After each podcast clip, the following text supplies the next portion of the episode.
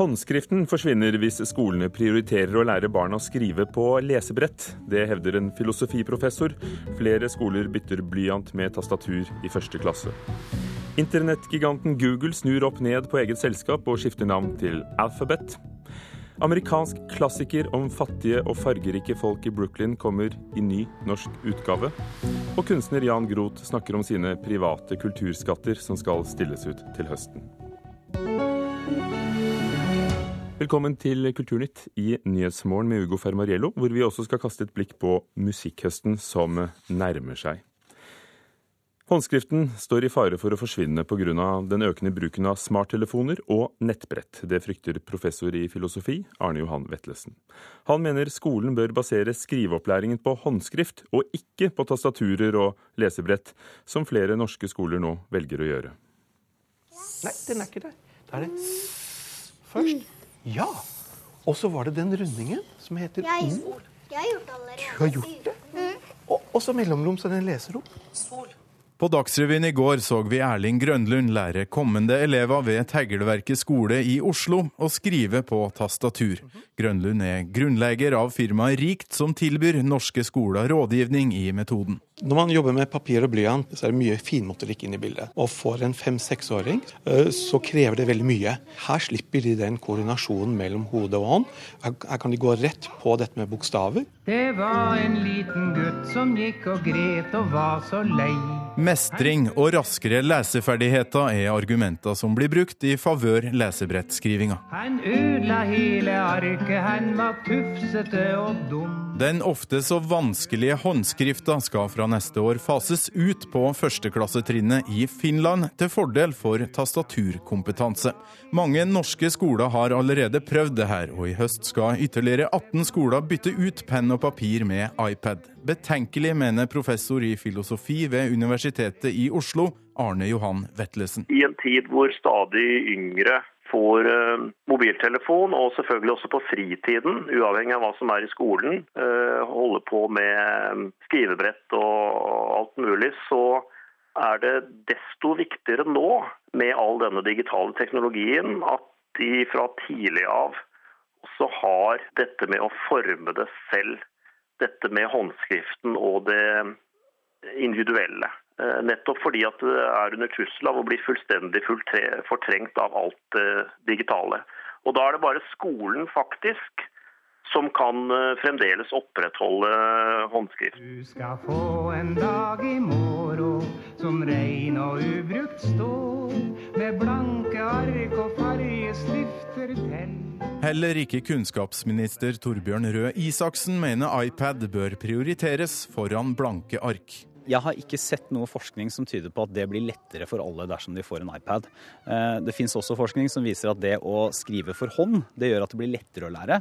Så jeg kommer ikke til å foreslå at eh, vi skal slutte med håndskriving i norsk skole. Jeg finner ikke en E.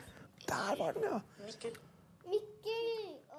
Erling Grønlund i firmaet Rikt påpeker at det ikke er snakk om å slutte med håndskrift, men å vente med det til barna blir eldre. Møtet med skolen blir da en mestringsarena. De får det til. Da blir man motivert. Da tar vi vare på den motivasjonen de har, og så er de motivert til å gå videre og til å lære mer. Og hvis du ikke greier det, og alt er like trist Filosofiprofessor Vetlesen vil derimot advare mot å velge minste motstands vei, og heller fortsette å la barna mestre det som er vanskelig. Tilfredsheten ved å ha blitt god til det er helt annerledes enn det å, å beherske et uh, tastatur. Det kan nesten ikke sammenlignes. med blanke ark og fargestifter til. Arne Johan Vetlesen før Prøysen, altså, i reportasjen til Torkil Thorsvik. Kristoffer Hansen, leder i Elevorganisasjonen. Hvorfor mener du at førsteklassingene bør få nettbrettet før blyanten? Jo, fordi det handler om at vi skal lære digitale ferdigheter. Fordi vi har et, vi har et samfunn nå som utvikler seg veldig fort mot et mer digitalt samfunn, der det er helt nye ferdigheter som trengs. Og da må vi også, i tillegg til å lære håndskrifta, også lære å mestre iPaden, vi må lære å mestre nettbrettet, vi må lære å mestre tastaturet fra tidlig alder på en pedagogisk riktig måte. Hva tror du vi mister fordi noe blir jo da satt til side. Noe må settes til side. Men og jeg mener jo ikke, her må man ikke ta det feil, altså, jeg mener ikke at, skal, at vi skal slutte å lære, lære håndskrift. Ikke engang i første klasse skal vi slutte å lære håndskrift, men vi skal bruke mer tid på å lære å bruke nettbrett og bruke digitale læringsressurser, og også tastaturet. Det vi mister eventuelt, det må være løkkeskrifta kanskje, men den tror jeg mer tilhører fortida, og så det nettbrettet som tilhører fremtida. Mathilde Tybring-Gjedde, sentralstyremedlem i Oslo Unge Høyre og eh, medlem i utdanningskomiteen i Høyre. Hva, hva, hva synes du om eh, eh, holdningen til nettfrihet? Ja, altså Først vil jeg bare si at dette er jo ikke en debatt om hvorvidt vi skal ha digitale ferdigheter inn i skolen eller ikke, for det er jo alle for. Men dette er jo debatt om hvilke metoder man skal gjøre for at elever i første og andre klasse skal lære seg å lese og skrive. Og her må vi huske at Det er først og fremst snakk om et virkemiddel, der målet er at man skal kunne klare grunnleggende ferdigheter. Og Når vi vet hvor viktig det er å lese og skrive for at man skal kunne fullføre skoleløpet, så må man også være litt forsiktig med å komme med sånne store omveltninger og detaljstyringer av hvilke metoder læreren skal bruke i undervisningen. Det de sier i Finland, er jo at de baserer seg på forskning som viser at det går raskere å lære seg å lese hvis du begynner med skrivingen, og begynner med skrivingen eh, med tastatur. Altså, Nå er jo ikke jeg forsker, men det som forskningen viser, er at det er ganske mye sprikende, sprikende ulike uenigheter om hvorvidt det hjelper eller ikke. F.eks. så mener jo Nasjonalt senter for leseopplæring og leseforskning at det å skrive har en effekt, for det er en kommunikasjon mellom hjernen og hånden, slik at man faktisk lærer det bedre. Og jeg mener i alle fall at vi ikke har noe klar forskning på at dette er riktig å gjøre. Og så syns jeg faktisk at du har noen skoler i dag som har gode forsøksordninger hvor iPad fungerer. Og så er det de skolene med lærerne som er kjempedyktige og får elevene til å lære å lese og skrive ved vanlig penn og papir. Og da mener jeg faktisk at de bør få bestemme det selv, og så får de heller stå ansvarlig for de resultatene elevene får. Og, og, og når det er sprik i forskningen, eh, Kristoffer Hansen, så er det vel eh, bra da at kunnskapsminister Røe Isaksen er tilbakeholden, som vi hørte i reportasjen? Nei, tvert imot. Altså, det er ikke Alternativet til å lære eh, å lese og skrive med, med digitale læremidler, er at man ikke bruker det digitale. Og det er jo ingenting som er mer da- bakstrebersk enn å ikke bruke det digitale. Ja, man sier at forskning er sprikende, men vi, viser, vi har masse forskning, også på norske selskaper, internasjonal forskning på norske selskaper som Kreasa, som viser at eh, ved å bruke IKT-baserte læringsressurser allerede nede for de minste barna, så øker de mestringsfølelsen, de øker leselæringa, og de blir gode til å skrive og uttrykke seg på brede former. Altså Her kan man kombinere lyd og bilde og skrift allerede fra liten alder, i stedet for at man kun skal terpe glosene og løkkeskrifta eh, når man er seksåringer. Men alternativet er jo ikke at man skal kun terpe gloser og drive med løkkeskrift. Altså, dette er jo ikke et spørsmål om hva som er moderne. Spørsmålet er hva elevene lærer av. Og da er jeg åpen for at uh, ulike skoler har forsøksordninger, at de prøver ut ulike ting. Engasjerte foreldre, lærere, skoleledere som har lyst til å prøve et iPad. Men så mener jeg samtidig at det er mange skoler som gjør det bra med penn og papir, og at ikke det er staten eller politikerne som skal bestemme hvilke metoder lærerne skal bruke i undervisningen. Men nå står de her med elevenes fremste representant, som ønsker at det, det nyeste blir tatt i bruk overalt. Men jeg er selvfølgelig positiv til at man skal som sagt, prøve nye ting. Men jeg vil jo gjerne utfordre Elevorganisasjonen på at lærerne er en profesjon, og at de selv bruker metoder i undervisningen i, i samsvar og i samarbeid med andre lærerne på skolen for hva som fungerer best. Ja, men, men det handler jo om at lærerne de har ikke dette tilgjengelig. For det er så lite villighet blant politikere til å prøve dette nye. Man, man snur bunken, og så gir man ikke lærerne muligheten og forutsetningen for å modernisere undervisninga. Men de har jo sitt eget eh, fag tilgjengelig, sin egen kunnskap tilgjengelig. Er det ikke bra å overlate det nettopp til den nærmeste fagpersonen, og bruke de metodene som de mener virker? Men det som er nytt med digital læring, det er at man trenger mer enn bare kunnskap. Man trenger også noen eh, faktiske forutsetninger. Man trenger et nettverk på skolen, man trenger noen enheter for de minste elevene. Og det er ikke på plass. Men Når du da har en kunnskapsminister som er så bakstreversk og ikke ønsker å investere i dette, da får ikke lærerne de forutsetningene de Er det ikke defensivt fordi skjønnskriften skal jo ikke forsvinne, men vi tar i bruk det siste først? Men dette er ikke en debatt om at vi ikke skal ha IKT eller digitale ferdigheter inn i skolen. Ja, det skjønner vi, men Det er, men det er snakk om hvor skal vi begynne, fordi mange mener at man leser raskere ved å Men gjøre jeg, det på men den jeg syns Elevorganisasjonen er inne på noe veldig viktig. For det de nevner, er jo at det er eh, lærernes kompetanse og fagkunnskap som er avgjørende for at elevene lærer eller ikke, også innenfor IKT. Og derfor så mener jo vi at eh, når vi satser på 5000 flere lærere med etter- og videreutdanning, så er det også innenfor IKT-ferdigheter. Hva med forbindelsen mellom håndskrift og tenkning, som vi har hørt om? Er den essensiell? Jeg tror det kanskje det, men som sagt, ikke forsker. Det er viktig at vi lærer å skrive for hånd, men vi skal også lære å skrive på tastatur. Å tenke? og tenke skal vi også gjøre. Kriti vi skal tenke kritisk for vi er små barn. Ja, Takk skal dere ha. Kristoffer Hansen, leder i Elevorganisasjonen, og Mathilde Tybring-Gjedde, sentralstyremedlem i Oslo Unge Høyre.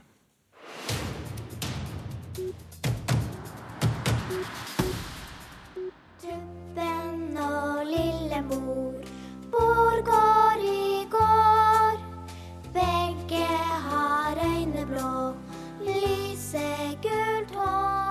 er bare én av mange sanger som ulovlig er blitt lagt ut på over 100 norske nettsteder. Det skriver Klassekampen i dag. Store mengder tekst og noter til rettighetsbelagte sanger har ligget ute i lang tid.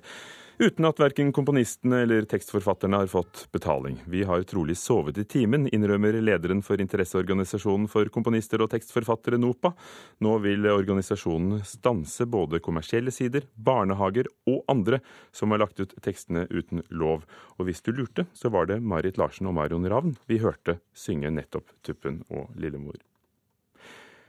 Internettgiganten Google splittes opp i en rekke selskaper, og selve moderselskapet bytter navn til Alphabet. Alfabet. Men ett av datterselskapene skal fremdeles drive med søk. Økonomimedarbeider Sindre Heyerdahl, eh, hvorfor gjør de dette? Ja, Når vi tenker på Google, så tenker vi jo gjerne på denne søkemotoren som har over én milliard treff om dagen, og som er verdens mest besøkte nettsted. Og som Men, har gitt oss verbet å google. Ikke sant? Ikke minst. Men Google har jo begynt med så veldig mange andre ting også. Bl.a. selvkjørende biler, droner, helse og bioteknologi. Og disse områdene vokser så raskt at eh, skaperne bak eh, har besluttet å opprette et nytt kontrollerende morselskap som skal ta seg alle disse nye, spennende framtidsvisjonene, eh, og dermed sitte med kontrollen. Dette nye navnet blir da Alphabet. Relativt pretensiøst, men de har store ambisjoner. Men det blir fortsatt Google som er veien inn til internett for mange? Det gjør det, og dette blir da et av datterselskapene under Alphabet nå. Eh, de skal da både drive med søkemotoren sin, YouTube skal også ligge der, eh, og en rekke andre av de mest populære tjenestene, men med en ny sjef og nytt fokus. Eh, litt slankere selskap, men forhåpentlig fortsatt det mange kjenner det som. Hvordan reagerer IT-verdenen og ikke minst børsverdenen? Den reagerer veldig positivt. Nyheten kom sent i går kveld etter slutten på New York-børsens handel, men aksjen gikk da i etterhandel opp over 5% Takk, Sindre Heyerdahl. Klokken er blitt kvart over åtte. Du hører på Nyhetsmorgen i NRK. Overskriften i dag det er fortsatt uklart hva som var motivet bak drapene på Ikea i Vesterås i Sverige i går.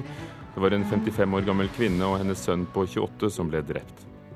Tyskland har til nå tjent 900 milliarder kroner på krisen i Hellas. Den har gitt lavere lånekostnader i Tyskland og økt salg av tyske statsobligasjoner.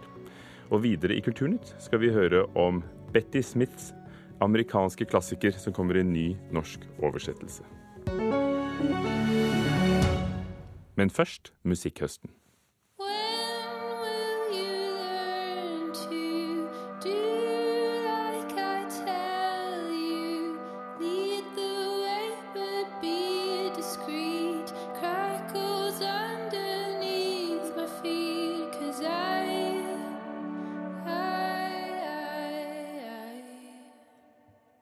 Trine Solli, musikkjournalist i NRK P3.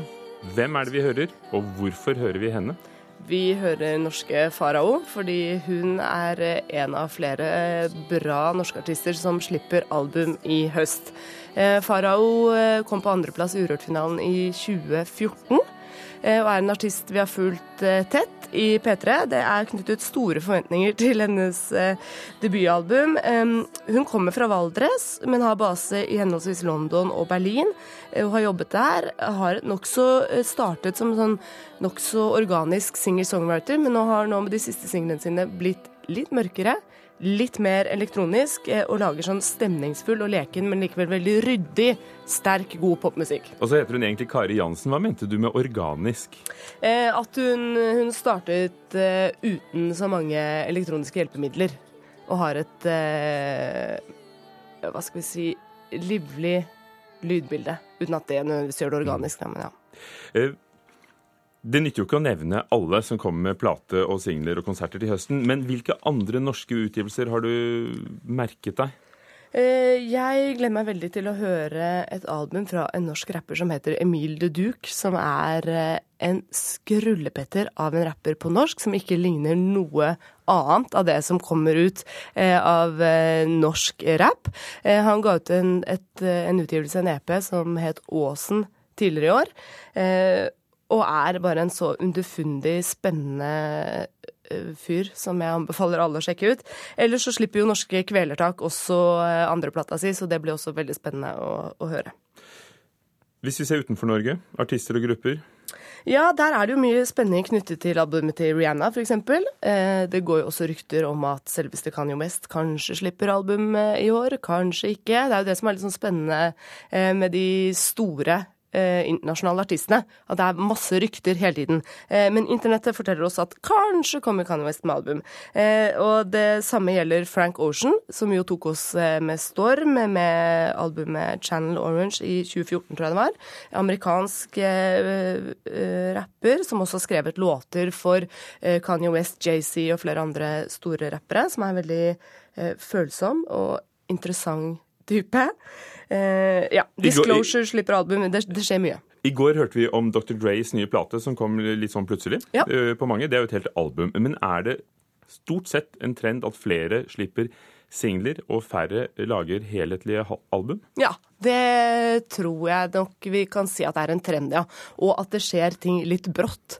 Sånn som eh, det albumet til eh, Dr. Dre. Plutselig var det der. Vi visste det skulle komme, men ingen visste når. Plutselig hadde vi det der. Hvorfor?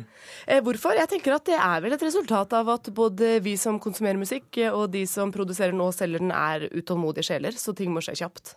Vi skal høre mer musikk. Go row the boat to safer grounds, but don't you know we're stronger now? My heart still beats, and my skin still feels, my lungs still breathe, my mind still feels. Aurora. Aurora Aksnes. Trine Solli, du har trukket frem eh, hennes planlagte konsert på, på Rockefeller i Oslo. Ja, hun eh, spiller over store deler av landet denne høsten, eh, og utlandet. Eh, så hun gjør en norgesturné som jeg anbefaler absolutt alle å, å gå på. Hun er en av de sterkeste norske popstemmene vi har. Hun er bare 19 år gammel og har levert noen helt utrolig solide singler. Eh, P3 sendte henne til en bransjefestival i Nederland tidligere i år. Og det var ganske gøy å stå der eh, som norsk musikkjournalist og se at henne fylle et helt gammelt teater. Folk var stumme av beundring, det var voksne menn gråt. Altså hun er en så dyktig formidler, eh, og som har så sterke låter. Og hun har sjarm og styrke og veldig Alt dette på tross av å være veldig, veldig fersk. Er det en god konserthøst i vente? Nokså god, vil jeg si. Eh, vi kan jo glede oss til Sufjan Stevens, amerikaneren som eh, kommer til Oslo Spektrum. Eh, han var jo så heldig å se i New York tidligere i år, og har jo sluppet et av sine såreste, næreste, mest personlige album nå, så det blir jo veldig spennende. Eller så har vi jo eh, skotske eller irske Soak som kommer til Oslo. Ariel Pink spiller i Oslo og Trondheim. Det skjer masse, og det blir gøy. Takk, Trine Solli, musikkjournalist i P3. Vi kommer tilbake til det etter hvert. La oss gjøre det, da. Stavanger kunstmuseum er i gang med å rydde i en stor og spesiell kunstsamling. Museet har eh, nemlig arvet eh, den private samlingen fra kunstner Jan Groth og den tidligere direktøren ved Louisiana kunstmuseum i Danmark, Steingrim Laursen. Over 500 kunst- og kulturskatter fra hele verden skal registreres før utstillingen åpner i november. Sherlock Holmes, sa Belén tidligere i dag. og det er litt sånn når vi er flere Sherlock Holmeser, så hjelper det. Sier kurator Vibeke Salte ved Stavanger kunstmuseum, som driver detektivarbeid sammen med museolog Belen Navazo. Det er en spesiell skål fra Mexico, for det var lagd i en spesiell gresskar for å drikke sjokolade. Museet har fått en privat samling i gave, over 500 etnografika og billedkunst, samlet inn av kunstner Jan Groth, som er født i Stavanger, og hans venn og partner, den tidligere direktøren ved Louisiana-museet i København, avdøde Steingrim Laursen. Det er fra India, og det var en elefantbjelle. Det er et krevende arbeid å spore opp kulturskattenes opprinnelse og registrere dem før en utstilling av samlingen skal åpne i november. Eh, og man blir litt på, som man sier i Stavanger, kokt i hodet innimellom. Når du skal hoppe fra indianerkulturer til afrikanske spådomsbrett. Eh, men det er jo veldig gøy og veldig, veldig spennende. Groth Laursen-samlingen inneholder også tegninger fra markante billedkunstnere, som Anselm Kiefer og Sol Levit. Og det er denne koblingen mellom moderne etterkrigskunst, antikviteter og hverdagsgjenstander fra ulike folkeslag som er spennende, mener Salte. Altså Fra 1906 og framover er det jo mange kunstnere som er opptatt av den type uttrykk, andre uttrykk. Picasso var jo en av de som var opptatt av afrikansk kunst. Det er jo spennende. Det er jo en del av kunsthistorien også, som ikke så ofte tematiseres. Og sånn sett så er det viktig å gjøre noe med det. Jeg blir jo ganske høy på en spiker fra en afrikansk stamme. Sikkert alle blir det, og de ser mer på hvordan den er tillaget. Sier Jan Groth, berømt for sin minimalistiske strek, og altså ivrig samler sammen med Steingrim Laursen. Hva er det du har sett etter når du har samla? Jeg vet ikke, jeg har nok brutt, brutt hjertet mer enn hodet. Som billedkunstner har jeg hentet veldig meget i den kunsten. Det er jo potter og skår og små gjenstander og sånn, men jeg føler jo at de er ladet med uttrykk. Noen ting kan du være ganske sikker på, eh, andre ting vet vi ikke, eh, og så må man anta. Salte og Navatho bruker internasjonale databaser og får hjelp fra Universitetsmuseet i Bergen for å nøste opp trådene. For det er ikke alltid like lett. Eh, og vi lurer på hva er dette?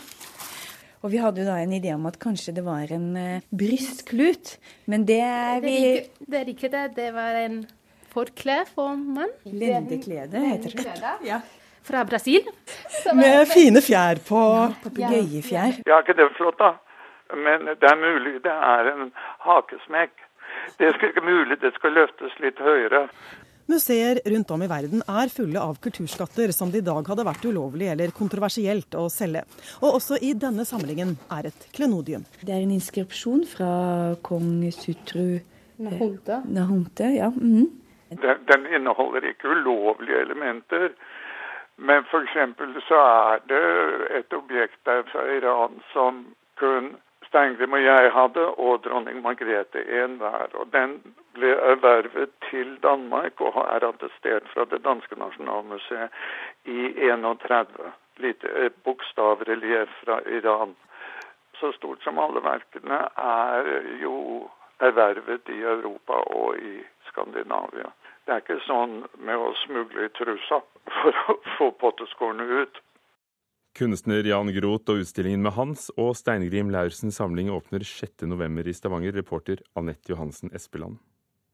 En amerikansk klassiker kommer på norsk i rekken av eldre bøker som kommer på nytt. Stoner var en av dem i fjor. Kommer nå 'Det vokser et tre i Brooklyn' av Betty Smith.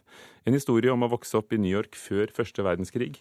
Oversetter Vibeke Saugestad, god morgen. God morgen. Det var du som ivret for å få boken ut på norsk. Hvorfor, hvorfor brenner du for denne? Uh, ja, altså det var uh, Jeg leste den kanskje for første gang for uh, fire-fem år siden. og det var en bok som traff meg så umiddelbart. Jeg hadde akkurat flyttet til, til USA. Og um, det var en bok som jeg skjønte at alle hadde lest, og som alle elsket. Og den traff meg eh, like mye. Det er en veldig varm, menneskelig, gripende bok som er veldig tidløs, kan man si. Og som fortsatt griper i dag. Den handler om en ung jente som vokser opp i Brooklyn som den smeltedigel eh, det var eh, på like over århundreskiftet. Det begynner i 1912. Det er et ganske annet Brooklyn enn det enten noen kjenner eller har hørt om med hipstere i rutete skjorter og rare hatter? Det kan man si. Den foregår akkurat der hvor, hvor, hvor hipstersentrum er nå, i Williamsburg i, i, Brooklyn. Og det er ganske annerledes. Francie og hennes familie er irske immigranter, eh, katolikker. Eh, og man, hun vokser opp og må jo være veldig mye voksnere enn det. Hun er jo et barn, men eh, ser og opplever mye vanskelig fattigdom, alkoholisme. Men det, det som er spesielt med denne boken, er at den er så voldsomt menneskelig, og jeg liker så godt språket i den. Det er ikke en bok jeg synes, I forordet til den versjonen som jeg leste, så sto det det er ingen prangende bok litterært sett, siden er ikke spekket med metaforer og semiler eller lyden av en forfatterstemme som er forelsket i sin egen musikk. Den er bare eh, Den har et Du nevnte det vi snakket om tidligere, persongalleriet. Man treffer veldig mange interessante personer, og hun bygger opp deres bakgrunn. Og man får en sånn kjærlighet til dem. eh, og boken er tydelig skrevet med kjærlighet, et kjærlighet til Brooklyn. Eh, og det er jo også delvis autobiografisk, dette. Betty Smith er en ganske utypisk forfatter. Hun skrev noen bøker siden som ikke fikk like mye oppmerksomhet, mens denne solgte jo i, i over seks millioner eksemplarer før hun døde i 1972. Er det noen for likheter mellom Harper Lee, som det har vært en del snakk om, og Drepe en sangfugl? Jeg tror det at den maler et, veldig, et tidsbilde. Den flytter deg tilbake til Brooklyn eh, rundt eh, århundreskiftet. Akkurat som Harper Lee flytter deg til uh, The South og, uh, og eh, Jeg tror det at du du kommer dit du, Jeg fikk den der barndommens leseropplevelse, eh, hvor du liksom blir flyttet inn i boken, du kjenner lukter, eh, smaker, du føler at du er der. Eh, og det eh, er det ikke alle bøker som gjør. Eh, Men, men hvordan gjør du dette til norsk, som både speiler den tiden, det begynner i 1912, eh, og samtidig er vårt språk? Det er veldig viktig, selvfølgelig, og det, det som var det mest krevende synes jeg i denne boken, var å overføre denne stemningen. For det er jo det som, som griper folk når de leser den. Eh, viktig, og man må, Det man må tenke litt på, er at man kan ikke bruke for moderne ord. Eh, det vil bare lugge. Så hele tiden så man Det skal heller ikke bli for gammeldags. Det skal gi en sånn tidskoloritt, ikke sant? For eksempel så drev jeg og, og lurte lenge på om jeg skulle bruke trikk eller sporvogn. Eh, Det endte med at eh, jeg brukte litt av begge deler. Sigbjørn Obst- Obstfelle var det en, en kollega av meg som, som sa eh, Vi har en sånn ring hvor vi sender inn spørsmål, eh, oversetter spørsmål. Han sa Obstfelle brukte trikk, så man kan fint bruke begge deler. Men jeg bruker også sporvogn for å gi det der litt gammeldagse preget. Eh, Uttrykk som dæsken, steike, gresslig, gammel tellemåte, gammel stavemåte. eh, Sånne ting Jeg som gir en litt til Gressli. Ja. Vibeke Saugestad, mange kjenner deg som eh, rockemusiker. Hva er forbindelsen mellom litteratur og musikk når du oversetter? Jeg, uh, kjenner, jeg har veldig nytte av musikaliteten i, uh, i det å oversette. Uh, det er en, en flyt, det skal være en flyt, det skal være en, en spesiell tone, og det, der tror jeg jeg bruker musikaliteten min, helt klart. Takk, Vibeke Saugestad. 'Det vokser i tre i Brooklyn' av Betty Smith har du oversatt. Vidar Sem var produsent for Kulturnytt. Hilde Tosterud teknisk ansvarlig. Ugo Fermarello programleder. Du lytter til Nyhetsmorgen i NRK klokken er halv ni.